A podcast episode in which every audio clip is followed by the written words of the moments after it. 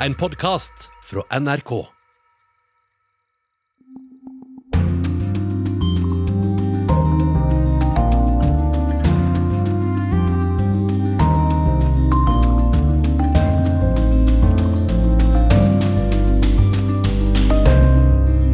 Velkommen til denne utgaven av Urix på lørdag. Det skal handle mye om korona.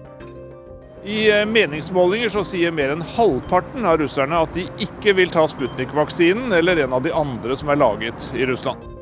Både negative og positive koronanyheter. Så om Russland, Norge og USA kan vi stole på hverandre. Og vi skal innom Vestbredden. Brevet er fra Brasil, og utenrikspodden handler om grensegjerder. Så følg med, kanskje du blir klokere. Jeg er Halvard Sandberg. Vi begynner i Russland. Den russiske hovedstaden Moskva er nå delvis nedstengt for å dempe spredningen av koronaviruset. De siste dagene har det blitt satt nye rekorder i daglig smitte og antall døde i Russland. Russiske myndigheter sier at hovedårsaken er vaksinemotstanden blant russerne. De delvise tiltakene som er innført mot koronaviruset i hovedstaden har ingen virkning, sier Palina Bielagotskaja, som vi møter i en sentrumsgate. Hun mener at folk flest ikke sitter hjemme. De er ute og går, det dannes køer, og dermed fortsetter smitten å spre seg. På tross av tiltakene i hovedstaden drar folk til sommerhusene sine. De drar ut i naturen eller andre steder, sier André Åsken. Han mener at tiltakene burde vært strengere, og forstår ikke helt måten det hele gjøres på. Det er roligere enn vanlig på gatene her i Moskva. Bare matbutikkene og apotek er åpne som normalt, og det er mye mindre folk enn vanligvis. I hele Russland så passerte antall nye smittede per døgn 40 000 denne uka. Antallet døde var mer enn 1100, og det er det høyeste i Europa. I eh, meningsmålinger så sier mer enn halvparten av russerne at de ikke vil ta Sputnik-vaksinen eller en av de andre som er laget i Russland. Hvis jeg kan velge, så vil jeg ikke ta vaksinen, sier Mikhail Salikov. Men det finnes lover som gjør den obligatorisk for en del yrkesgrupper, så han regner med at han blir nødt til å ta sprøytestikket på et eller annet tidspunkt. Russiske sykehus fylles nå opp av koronapasienter, og de aller fleste av dem har ikke tatt vaksinen. Nei, jeg er ikke vaksinert, og jeg er sint på meg selv, sier Maria Kazantseva til russisk TV, der hun ligger på magen i en sykeseng og får tilførsel av oksygen gjennom en ledning. Hun har fått behandling i en uke, men føler ikke at hun blir bedre. Det er nesten ikke ledige plasser her, sier lege Julia Kudasova ved et sykehus sør i Russland. Det er mange alvorlig syke pasienter og mange på intensivavdelingen. Jeg var skeptisk til Sputnik-vaksinen. Den hadde akkurat kommet, og det var uklart hva det var for noe, sier Jevgenij Zubkov til NRK. 42-åringen bor på et lite sted utenfor Moskva. Han sier at mange av hans kjente tviler på myndighetenes forsikringer om at vaksinen er trygg. Mistilliten var stor. Hvordan kunne de gjennomføre store kliniske tester på folk, sånn at vaksinen var klar på under et år? En av dem som stadig oppfordrer russerne til å ta vaksinen, er president Vladimir Putin. Han er forundret over vaksinemotstanden, og at bare om lag 35 av russerne hittil er vaksinert. Странные люди с хорошим образованием, det er merkelig. Jeg hører det fra folk med god utdanning, sier presidenten. Han understreker at han ikke forstår hva som foregår, og påpeker at russerne tilbys pålitelig og effektiv vaksine. En russisk ekspert forsøker å komme med en forklaring. Mange russere mener at de ikke blir hørt, og at myndighetene ikke forklarer det de gjør, sier sosiologen Ljubov Tsoy. Hun mener at mange ser på vaksineringen som tvang, og at det fører til protester. For mange er det uklare grenser mellom hva som er fakta og hva som er påstander. Dette gjelder særlig på sosiale medier, og folk blir usikre, sier Tsoi. Jevgenij Zubkov forteller at han ble koronasyk i april og havnet på et regionalt sykehus. Da han kom ut derfra, skiftet han mening når det gjelder vaksinen. For en uke siden tok han det første stikket. Nå mener han at det bør bli obligatorisk for vaksinemotstandere å delta i en omvisning på et koronasykehus. For det er en fryktelig opplevelse, understreker 42-åringen. Jan Espen Kruse rapporterte fra Moskva. Nå skal vi ha noen gode koronanyheter. Vi skal snakke om medisinen molnupiravir. Eh, jeg har med meg John Arne Røttingen. Du er tidligere direktør for Norges forskningsråd, og nå er du global helseambassadør for Norge. Hva er de gode nyhetene knyttet til denne antivirale medisinen molnupiravir? Ja, Det har blitt rapportert foreløpig i pressemelding, så endelig studie er ikke publisert. Men den viser 50% reduksjon i behov for sykehusinnleggelse hvis den gis tidlig til pasienter som har høy risiko for sykdom. Så det var en reduksjon fra 14% til 7 av det som er foreløpig rapportert i den studien. Så, men det, det, Hvorfor det særlig er bra, det er fordi dette er en tablett, det er en pille. Eh, veldig mye enklere å gi enn eh, injeksjon eller infusjon, som andre legemidler eh, foreløpig må gis. 50% reduksjon, det må jo være helt enormt. Men det er mer positive nyheter knyttet til Monupiravir nå?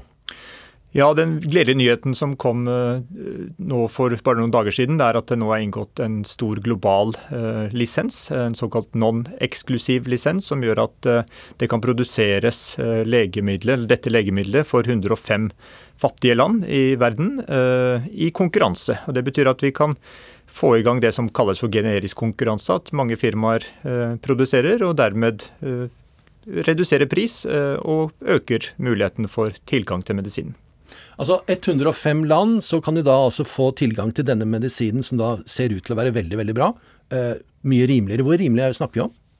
Nei, Det er vanskelig å si, og, det er jo egentlig markedet som bestemmer det. Eh, det er gjort noen kostnadsberegninger på at det bør være mulig å produsere denne til ca. 20 dollar per eh, behandlings, eh, altså den femdagersbehandlingen tror jeg som man legger opp til.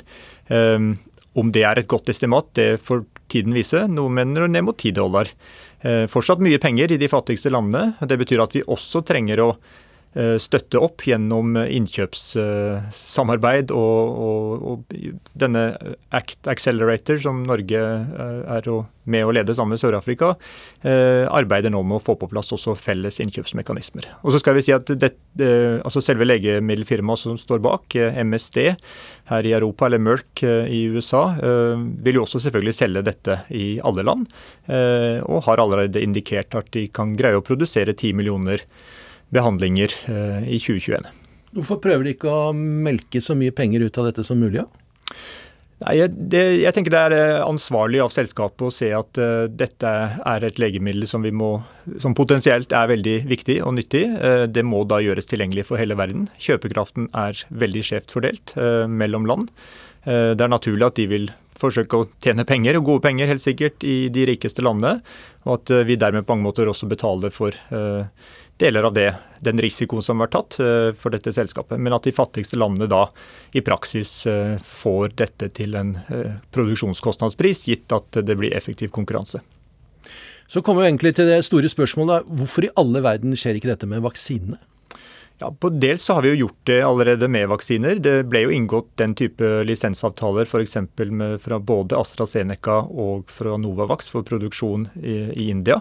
Det er jo allerede sju selskaper i India som uh, er i gang med produksjon av molnupiravir, uh, basert på én-til-én-selskapsavtaler på lisenser. Uh, og som sagt, det har vi også gjort for vaksiner. Men det store hva skal jeg si, skriket om mer vaksiner fokuserer jo nå veldig mye på mRNA-vaksinene, som jo uh, har vist seg at var høyest effekt, uh, og brukes uh, ikke minst her i Norge og i andre vestlige land. Der har det foreløpig ikke vært villighet til å gi den type lisensavtaler. Det arbeider vi for, å pushe firmaene rett og slett til å også bidra til teknologioverføring på det. Det er nå i gang med oppstart av en såkalt mRNA-hub i Sør-Afrika, som vi håper skal kunne greie å få til en avtale med firmaene etter hvert. Positive nyheter det altså fra Norges globale helseambassadør John Arne Røttingen. Takk for at du kom innom.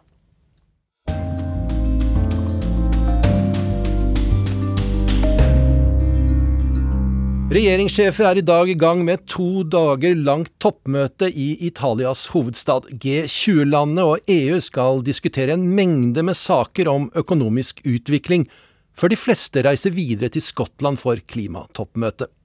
USAs president er på sin andre store utenlandsreise for å vise lederskap og reparere betente forhold med allierte. Biden dro uten å ha fått til viktige seire i Kongressen hjemme, men den diplomatiske sjarmoffensiven har i hvert fall gitt ett resultat. Et, et pour moi, c'est euh, l'avenir que nous faut regarder. Vi må se framover, sier Frankrikes president og håndhilser på sin amerikanske kollega. Joe Biden kom til Frankrikes ambassade i Roma for det første møtet ansikt til ansikt etter en krangel mellom de Nato-allierte. Det gikk så langt at Frankrike hentet hjem sin ambassadør fra USA, fordi de følte seg dolket i ryggen da en ubåtkontrakt gikk i vasken. Klønete, sier USAs president Joe Biden. Det var ikke så elegant gjort.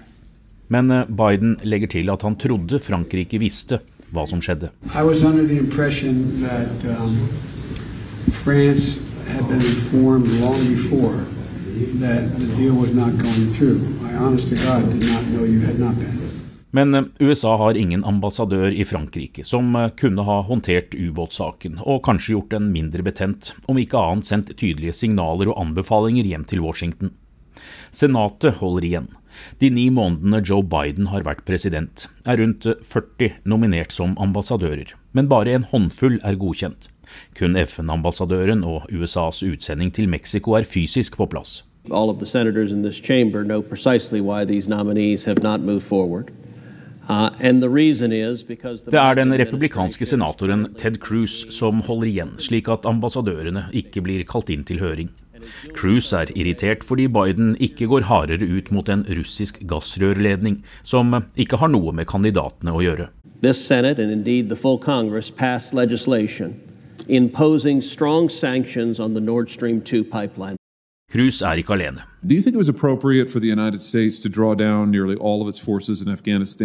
Også senator Josh Hawley bruker retten han har som senator til å blokkere, inntil noen går av, etter det han mener var en kaotisk evakuering fra Afghanistan. Dette betyr også at det kan ta tid før Norge får ny ambassadør fra USA.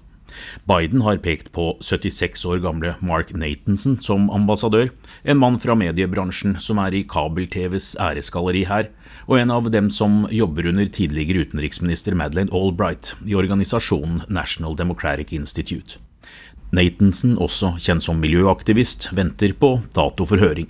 Det gjør også George Sunis, som for sju år siden var ambassadørkandidat til Norge, men som eh, trakk seg etter høringen der han viste mangelfulle kunnskaper. Norway has been very quick to uh, denounce um, them. Um, we're going to continue to work with Norway to make sure. The government has denounced them. The, co the coalition government, they're part of the coalition of the government. Well, I would say, you know what, I, I, I, I, I stand, correct, I stand corrected. Nå vil Biden sende ham til Hellas. Let me tell you what is going on in Washington right now, if I might. Dette er senator Bernie Sanders som forteller om vanskene i det politiske Washington. Kongressen har ennå ikke godkjent Bidens store infrastrukturpakke, ei heller den gigantiske, men kraftig nedjusterte klima- og sosialpakka som Det hvite hus hadde håpet å få på plass før presidentens europareise. We do not have one, not one Republican det gjør at det stilles noen spørsmål om gjennomslagskraft og strategi. Joe Biden har litt å rydde opp i, og det er ikke alltid bare ord strekker til når det ikke følges opp med handling. Anders Tvegård, New York. And we have this mutual respect, uh, which is being uh, substantiated by the cross-border links between our uh, people. On the other hand, Norway is a member of NATO. Uh, NATO is uh, no friend of Russia. Ja, vi hørte den eh, russiske utenriksministeren Sergej Lavrov som eh, fortalte til en eh, norsk presse da hun besøkte landet, at jo, Russland er venn med Norge, men Norge er medlem i Nato, og Nato er ikke venn med Russland. Så mangeårig Moskva-korrespondent eh, Morten Jentoft, hva er det Lavrov driver på med her? Lavrov eh, kommuniserer jo her det som har vært eh, ikke bare russisk, men sovjetisk eh, utenrikspolitikk i veldig mange år, helt tilbake fra 1950-tallet. Der man ser på Norge da som et vennligsinnet naboland. Et land som Sovjetunionen har et spesielt forhold til, eh, i og med man eh, frigjorde en del av Norge under annen verdenskrig. Eh, men at Norge da, sier man fra russisk side, da dessverre da har knyttet seg for tett opp til USA. Man bruker særlig begrepet USA. Nå bruker man jo også begrepet Nato. Og at det er uheldig, men at man ikke ikke har noe kan du si, nag direkte rettet mot Norge. Man ønsker et godt forhold til Norge. Man ønsker at Norge også bryter ut litt av USA-Nato-retorikken eh, og samarbeider nærmere med det som de sier er et vennligsinnet eh, Russland, som har vist gjennom det som skjedde under annen verdenskrig, at vi ønsker faktisk å hjelpe, hjelpe lille Norge. Det har blitt spekulert i at det som er oppdraget til Sergej Lavrov overfor Norge, er å skape en skikkelig kløft mellom oss og EU, og mellom oss og andre Nato-land, og spesielt mellom oss og USA. Altså rett og slett skape bråk slik at vi fjerner oss litt fra dem og ser med litt blidere øyne på Russland. Er, stemmer det? Ja, selvfølgelig. På en måte stemmer det. Selvfølgelig ønsker Russland eh, å fremme sine interesser. Det ser vi jo på alle mulige områder. Det gjør jo de fleste land. Det gjør jo også Norge som ikke EU-medlem innad i EU i forhold til resten av eh, Europa.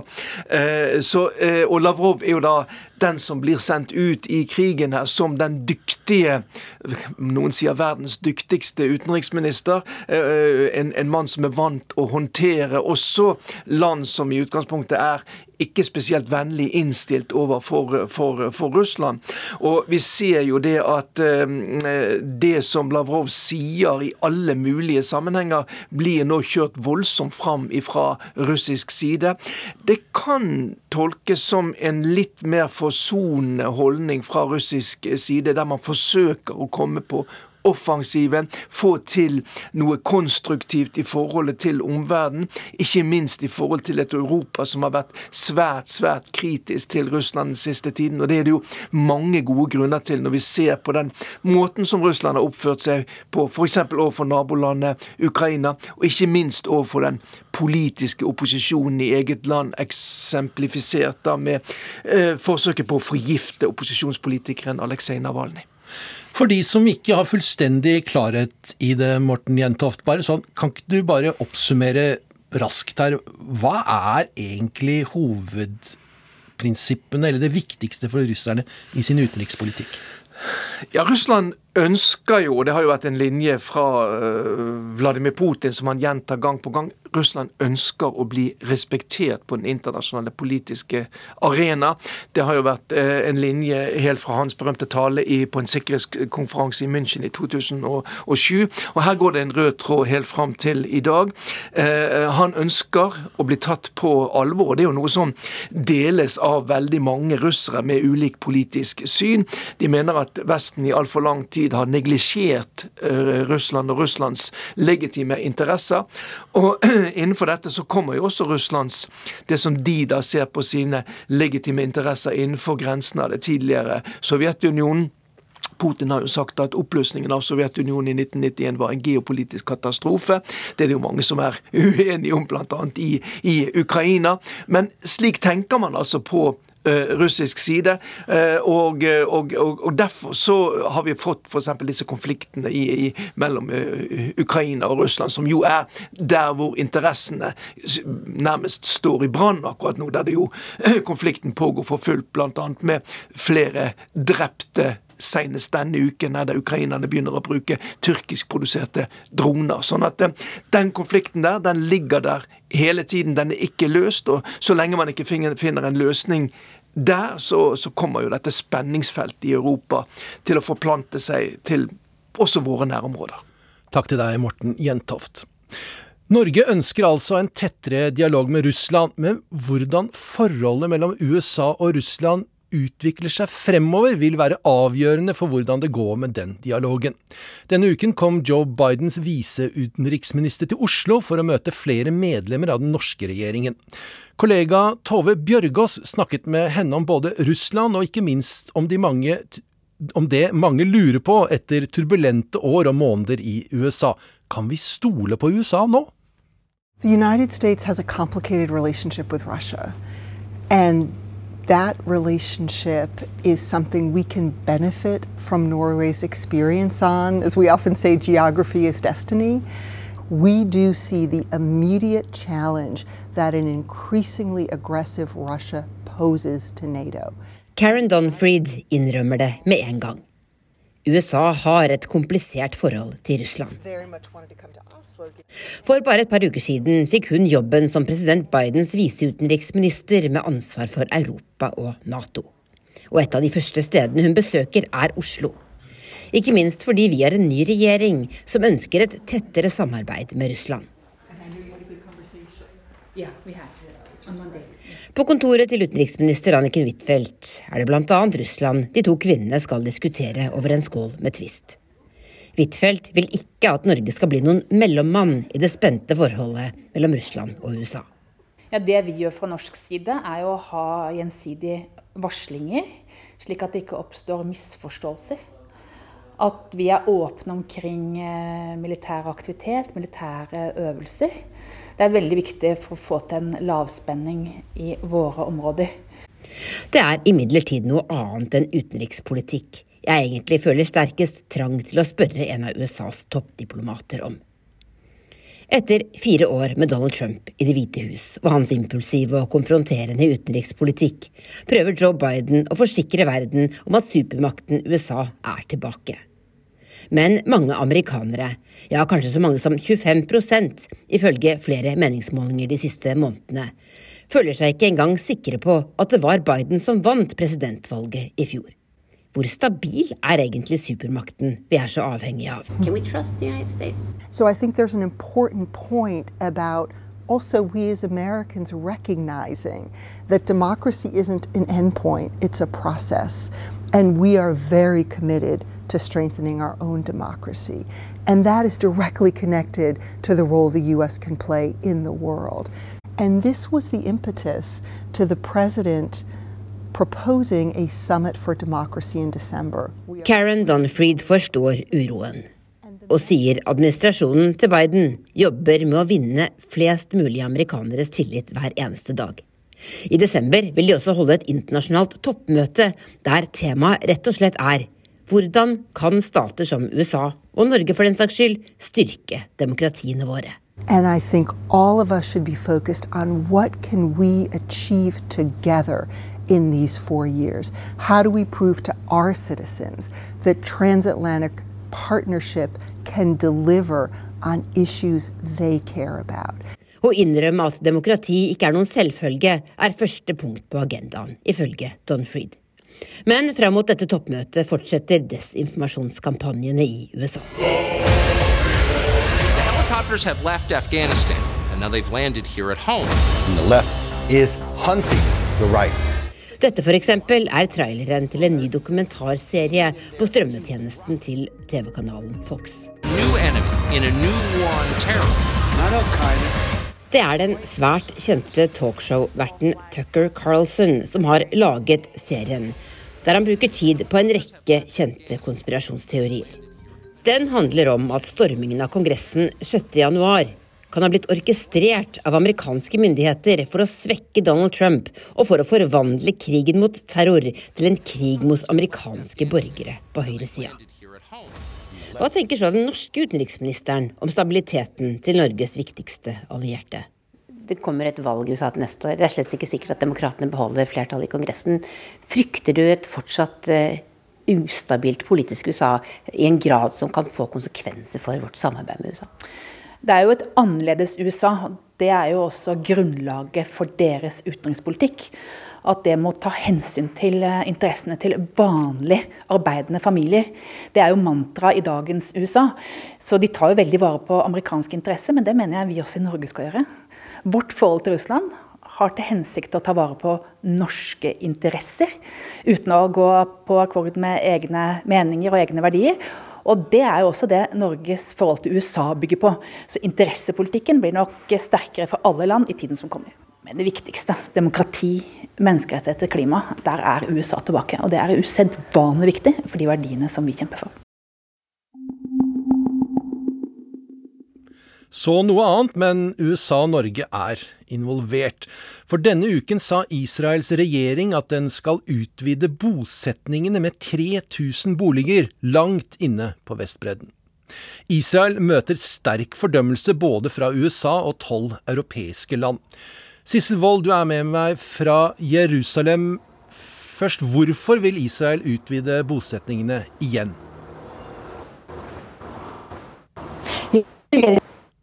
Regjeringen til Naftali Bennett uh, uh, mener at det er viktig å utvide disse bosettingene. Bennett han er fra et veldig nasjonaløst parti, og han må gi noe til sin velgerbase. Men i de årene hvor Donald Trump regjerte i Washington, så var det jo fritt frem for å utvide Og stort sett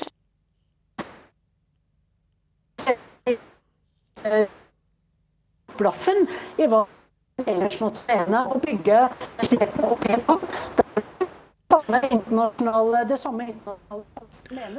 Ja, da Sissel Wold har eh, tekniske problemer. Vi skal prøve å hente inn, eh, inn igjen.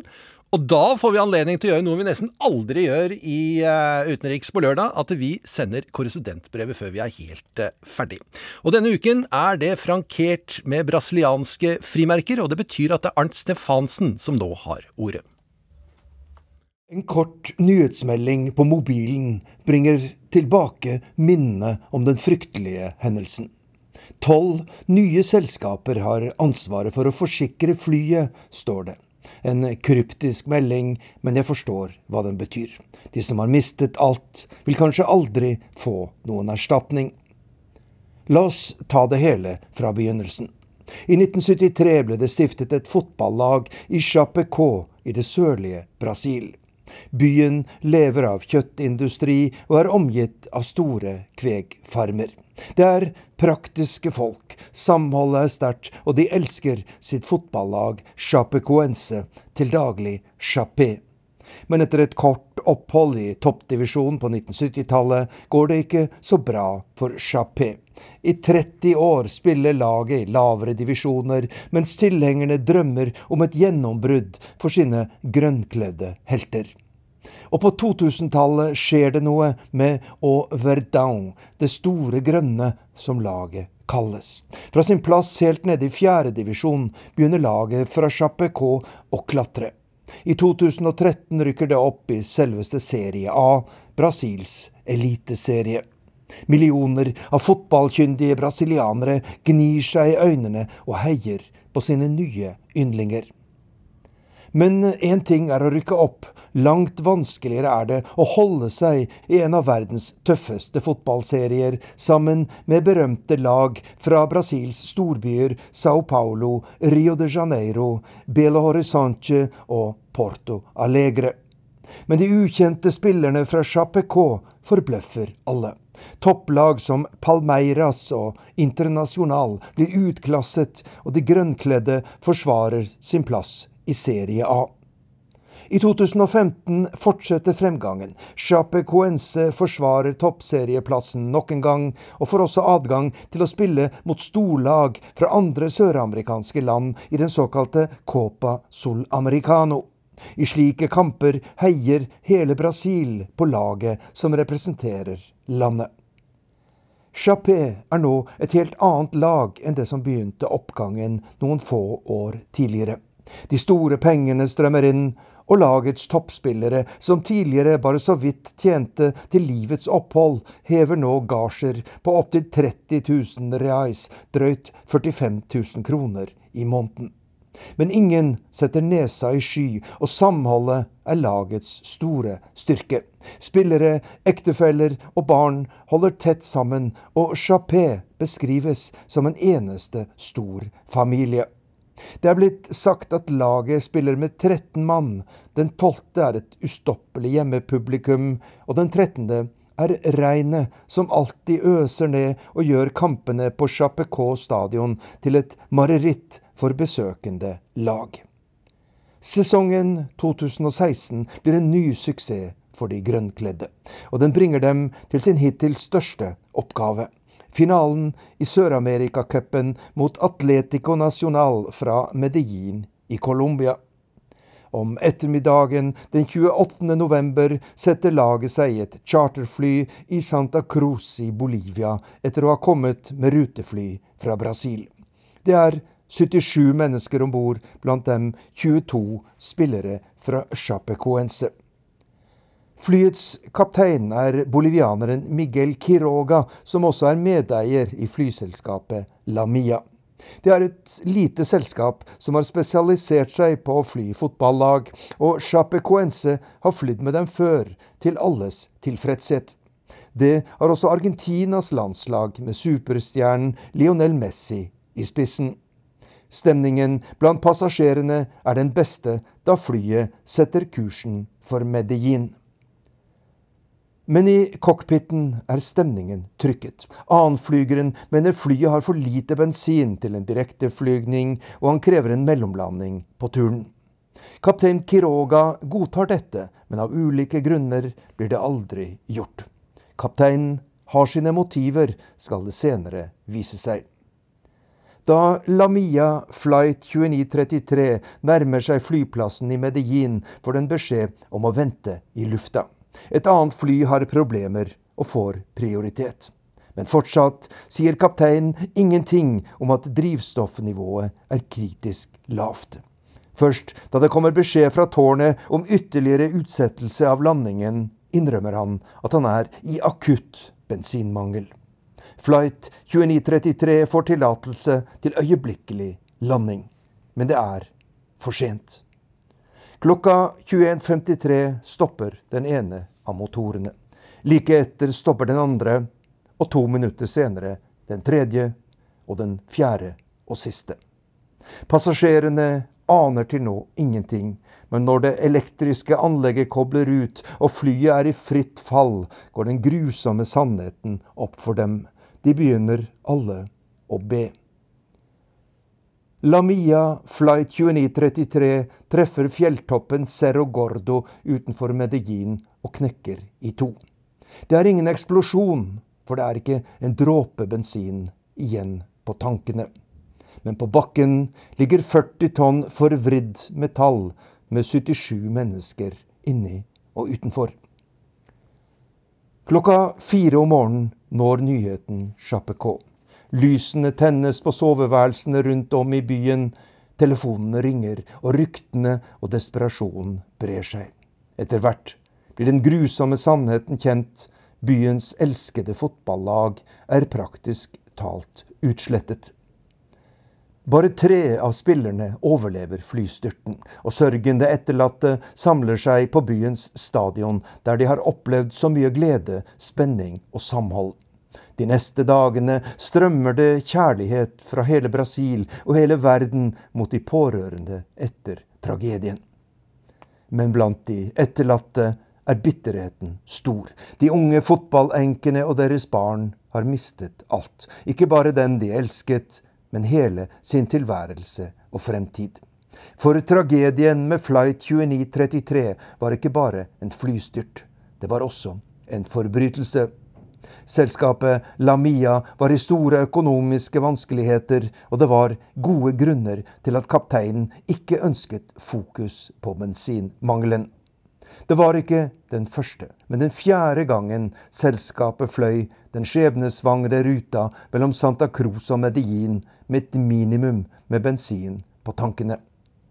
På toppen av det hele var forsikringen utløpt. Utbetalingene til ofrenes familier ble stoppet, og det ble satt i gang en omfattende rettsprosess som fortsatt pågår. Etter ulykken fikk klubben gratis spillere fra andre lag her i Brasil, og har greid seg bra. Men de grønnkledde ligger nå nederst på tabellen i Serie A, og vil trolig rykke ned. Og i hver kamp blåser dommeren i fløyta i det 71. minutt for å minnes de 71 som døde i tragedien for fem år siden. Vi er tilbake med Sissel Wold fra Jerusalem. Og denne uken sa Israels regjering at den skal utvide bosettingen med 3000 boliger langt inne på den okkuperte Vestbredden. Og denne gangen er kritikken mye sterkere fra USA, EU og Norge enn før. Og Sissel, hvorfor det? Ja, dette har med president Bidens administrasjon å gjøre. For som vi hørte tidligere i sendingen, så er Biden mer opptatt av menneskerettigheter. Under Donald Trump så var det jo fritt frem for Israels regjeringer å bygge bosettinger.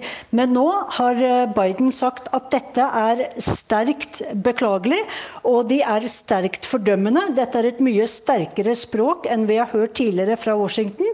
Og USAs utenriksminister Tony Blinken sa til forsvarsminister Benny Gantz her i Israel at om eh, dere vil gå videre med disse planene om å bygge ut 3000 nye enheter i de folkerettsstridige bosettingene på okkupert land, så kommer USA til å reagere. Og dette er ganske nytt. Og i tillegg så har da EU og flere europeiske land, tolv europeiske land, deriblant Norge, eh, også uttrykt sterk, eh, sterke reaksjoner mot disse planene. Og disse europeiske landene sier til Israel reverser disse planene med en gang. Så dette er en ny tone mot Israels nye regjering. Altså, Hvorfor vil Israel utvide bosettingene igjen, når det fører til så mye bråk? Eh, eh, statsminister Naftani Bennett han representerer jo et eh, bosetterparti på sett og vis, og han må gi noe til sine velgere.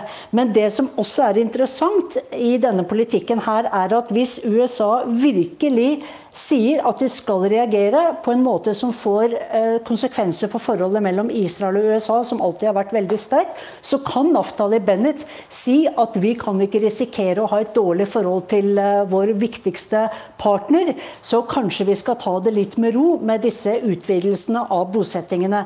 Men igjen, eh, jeg har vært på Vestbredden i hele morges og sett hvordan disse bosettingene ligger nesten på hver eneste bakketopp, og dette er jo ulovlige bosettinger.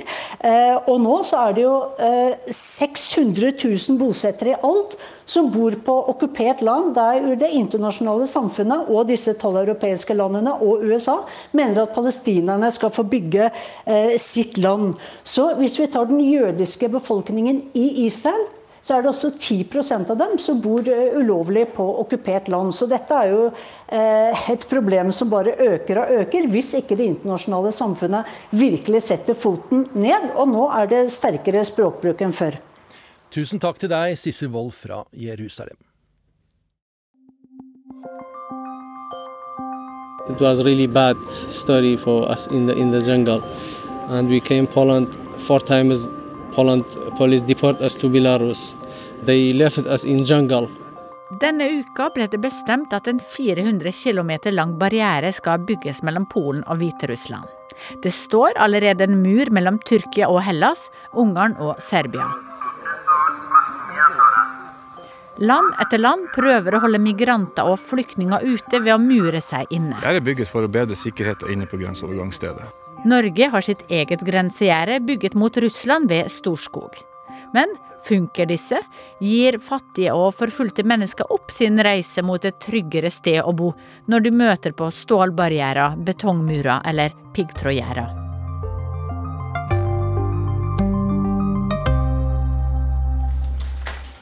So here is a, a kitchen or? Yes, it's for fire and food for uh, for uh, cooking food. And you stay in tents inside the, the house because it's yes, colder. We, yes, here very cold, very cold, and we uh, sleep to this, this, and other. And here is uh, more tents. Mitt navn er Roger Severin Bruland. Jeg er europakorrespondent for NRK basert i Berlin. Det som er med grensa i Bosnia, Bihac, eh, som er som en slags eh, V rett opp mot Kroatia, er jo det at det er jo ingen grunn til at det skal være flyktninger og migranter der.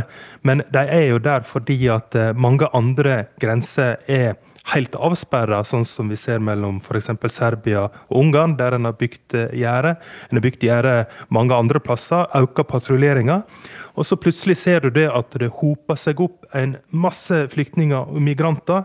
Altså, En vil jo alltid finne andre veier, og nå ser vi det at nå er det i, mellom Bosnia og Kroatia det er mange som eh, samler seg opp. slik at eh, det viser jo egentlig hvor eh, vanskelig det er for Europa å gjøre seg inne mot flyktning- og migrantstrømmen.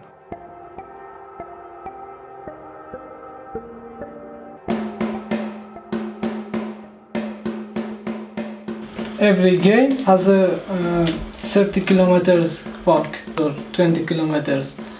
We have a children. They are uh, tired. They are tired. I, they can't every day go to game. En av de jeg møtte, var Inn Muhammed Reihani, som eh, bodde i et eh, fraflytta hus på grensa til Kroatia. Der fikk eh, disse afghanske guttene lov til å være av bosniske myndigheter. For de mener jo det at EU-land som Kroatia, de bare overlater problemet til Bosnia, som har jo sine problem og de føler det ikke er noe solidaritet. Og så er det jo det at eh, mange av de eh, landene som eh, har veldig mange flyktninger og migranter, ser jo ikke noe problem med å, at de drar videre. De vil jo gjerne at de skal dra videre.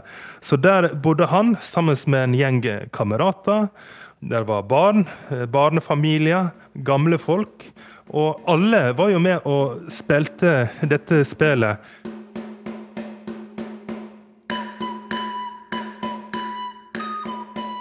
Jeg så jo den her eh, serien Squid eh, Games. og etter jeg har sett den på Netflix, så tenkte jeg litt på at eh, det, er jo litt som et slags Squid Game som foregår mellom Bosnia og Kroatia for tida. For det har jo veldig store konsekvenser når du blir tatt, for da kan du bli eh, banka opp og fratatt det du eier, og så må du rykke tilbake igjen til start. Så de bor i svært eh, kummerlige forhold. De har reist eh, veldig langt, og de er rett og slett herda, kan du si. Altså, det her er utrolig tøft å reise i verden når du ikke har lov til det. Eh, jeg tror ikke vi kan forstå hvor ensomt det kan være, og hvor skremmende det kan være. Og det å gyve løs på en grensepatrulje, eller prøve å lure den dag etter dag etter dag, eh, må jo være et eh, enormt eh, stress. Og jeg tror også derfor så prøvde en å gjøre den hverdagen litt lettere ved at vi kaller det her et spill, og det er et spill vi skal vinne. Uh, some Belarus police help us, but some of them is uh, not helps. They hit us, and my friend was hit us by Belarusian police. And we also should talk about physical fence or physical border, which is extremely needed as a short-term measure in order to deal with this crisis. De siste månedene har det kommet inn flere tusen flyktninger og migranter til EU over grensa fra Hviterussland. Lederne i Litauen, Latvia og Polen mener at president Lukasjenko bruker migrantene som et våpen. At han henter mennesker i fattige land og sender dem inn i EU for å skape kaos. Landene bygger fysiske sperringer for å holde migrantene ute. Fences and walls of course stop some people because it's much more difficult to cross a fence with your small baby or with your disabled kid. But I don't believe in walls and fences. Hi, my name is Anna Albot. I'm a media officer of Minority Rights Group International, right now involved in collective Grupa Granica on the Polish-Belarusian border. De siste seks ukene har hun bodd i en polsk urskog og prøvd å hjelpe migranter som har greid å komme seg inn fra Hviterussland.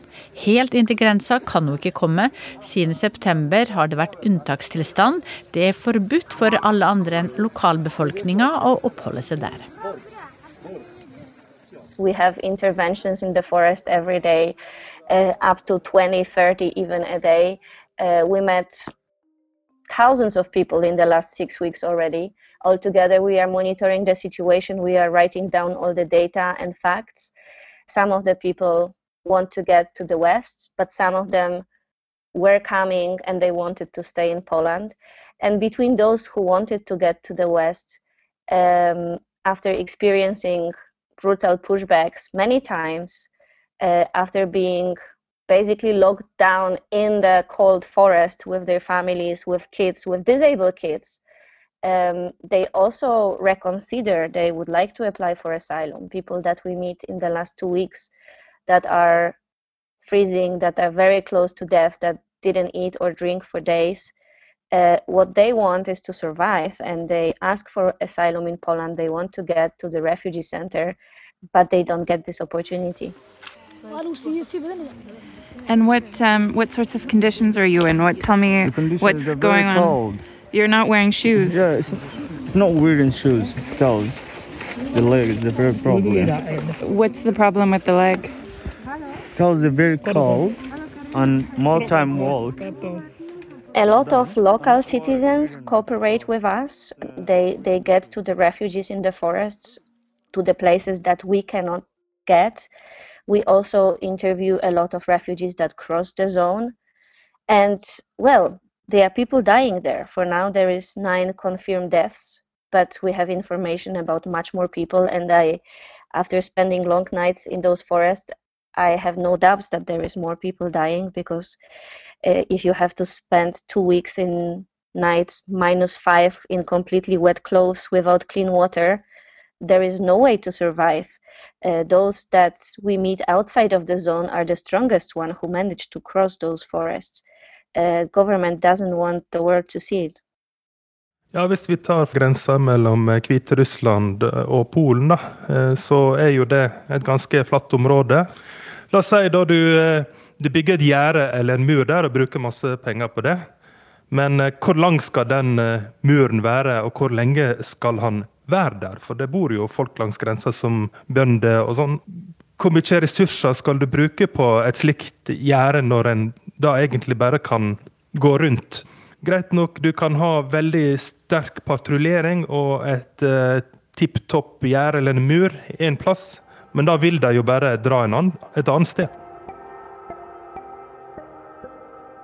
Regarding Belarus, we must oppose the reckless behavior of President Lukashenko, who continues to weaponize illegal migration to blackmail the EU. Hvor mye er denne flyktningstrømmen fra Afrika og Asia politisk styrt, og hvor mye er det mennesker i nød som bare prøver å komme seg inn der de kan bli litt rikere? Ja, Det er jo interessant hvis de beskyldningene er sanne om Lukasjenko. At uh, han bruker flyktninger og migranter som et våpen for å straffe EU. At han har uh, invitert uh, personer som, som da skal prøve å snike seg over grensa inn i Polen som en slags svar på sanksjonene mot Hviterussland. Hvis det stemmer, så er jo det en ekstremt uheldig utvikling, der en da bruker desperate mennesker som et politisk våpen i en politisk strid som kanskje handler om noe helt annet. Men sånn er det jo. Når det her problemet eksisterer, så er det jo alskens slags aktører som kan utnytte dette her. Det kan være kriminelle grupper som skal tjene penger på menneskesmugling. Politikere som ser sitt snitt i å bruke flyktningene og migrantene som et politisk våpen. Og Det ser vi også Erdogan i, i Tyrkia til dels har gjort. Det brukes som et pressmiddel. Da utnytter en jo egentlig ganske så forsvarsløse mennesker i et stormaktsspill som eh, de ikke har noe skyld i. De aller fleste vil jo bare ha et normalt liv og, og få seg en, en jobb. Uh, how are you? Fine, and you? Vi har greid å spore opp afghanske Mohammed Rehani, som Roger møtte ved EUs yttergrense i Bosnia. Ved hjelp av en engelsktalende venn forteller han hvordan han reiste over fjellet for å unngå Europas grensemurer. Mohammed traveled from the ways that there is no walls or fence. He and his uh, friend tried to use the ways that there is no fence or walls, and mostly they came from the mansion. Du, eh, Roger, du har møtt folk som har prøvd å komme seg inn eh, til EU. Lar de seg stoppe av et eh, gjerde? Ikke i det hele tatt. Altså, i vår så var jeg i Bosnia, i Bihac, og der er veldig mange flyktninger og migranter som hver natt så drar de ut. Og det er en sånn katt og mus-leik med kroatisk grensepoliti så er det noe som heter pushback. Hvis de blir tatt, så blir de da sendt tilbake. Og så prøver de igjen dagen etterpå. Og de jeg snakka med, de hadde jo prøvd 30-40-50 ganger uten å lykkes. Og nå eh, når du tok kontakt med meg og ville snakke om eh, det her, så tok jeg kontakt med de personene som jeg har snakka om, og absolutt alle har eh, kommet seg inn, inn i Vest-Europa. Eh, og de aller fleste bor nå i mottakssenter i det sydlige Tyskland. Mohammed, where are you now? Now I am in the Germany, in the uh, Gissen uh, center of Gissen. I, I told them I want asylum from Germany and they accept me. They took a finger from me. And I was very clear that there is a long-standing common uh, in the Commission and with the European Parliament that there will be no funding of barbed wire and walls. Ursula von der Leyen sa sist uke at EU ikke skal bygge gjerder og murer. Men hvordan forholder lederne i de landene som er mer sentralt i, i Europa seg til disse gjerdene og stengslene i EUs ytterkanter? Ja, Hvis vi tar Tyskland, da. For, I 2015 så sa jo Merkel at vi tar en million. Og på mange måter så ble det løsninga på den store krisa som var da. Vi må huske på at eh, den strømmen som kommer fra Hviterussland nå, er mye mindre. Det er snakk om 5700 eh, som har kommet til Tyskland eh, via den ruta. Men så ser vi jo da at en må svare både politisk og med politi. Så tyske myndigheter sier OK, nå må vi eh, styrke grensepatruljeringa. Vi har jo sett nå at uh, nynazister kommer på grensa og skal hjelpe politiet med å stoppe disse her uh, å komme inn i Tyskland. Så kanskje like mye at en må ha politi der for å, å stoppe høyre radikale som skal uh, slå politisk mynt eh, på det her. Altså Et av problemene som Tyskland og mange europeiske land har, er jo det at eh, med en gang eh, migrasjon blir en stor sak, så er det jo ytterliggående parti som tjener på det her. Og det er jo derfor at det er så vanskelig å håndtere en slik utfordring. Og det er jo derfor det også blir et veldig effektivt politisk våpen. Many people criticize the physical barrier we are just setting up at this moment in Hungary. I ask everybody.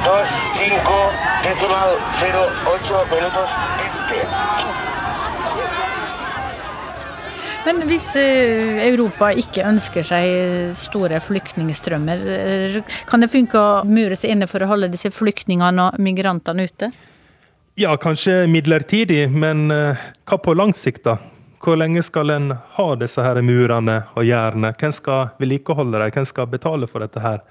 det er jo egentlig ei behandling av symptomene, men du behandler jo ikke det som er hovedproblemet. Det er at en eh, kanskje ikke har et godt nok eh, system for asyl. Og en har ikke godt nok samarbeid i Europa for å finne felles eh, løsninger. Vi har jo sett også under koronapandemien at med en gang nasjonal interesse blir trua, så så går jo det på bekostning av europeisk solidaritet. Så ja, kanskje når Polen bygger en mur, så kan de si til velgerne sine at eh, nå har vi gjort noe, og sanke stemmer på det. Men uh, igjen så Hvor lenge skal, skal den muren stå? Og skal du mure inne hele Polen? Og hva med Middelhavet? Uh, du kan jo ikke mure inne det. så så det virker litt håpløst og litt som et politisk spill når en begynner å snakke om å bygge gjerder og murer. Du har hørt podkasten Krig og fred, laget av Sofia Perskevich. Hilde Tosterud har stått for lyddesignet, og Sigurd Falkenberg Mikkelsen har redaktøransvaret.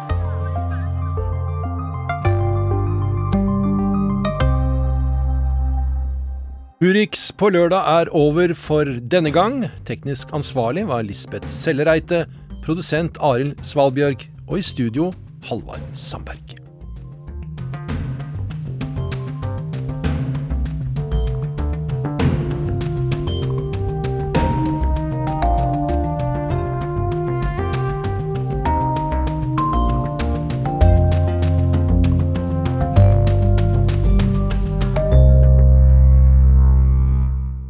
Du har hørt en podkast fra NRK. Hør flere podkaster og din favorittkanal i appen NRK Radio.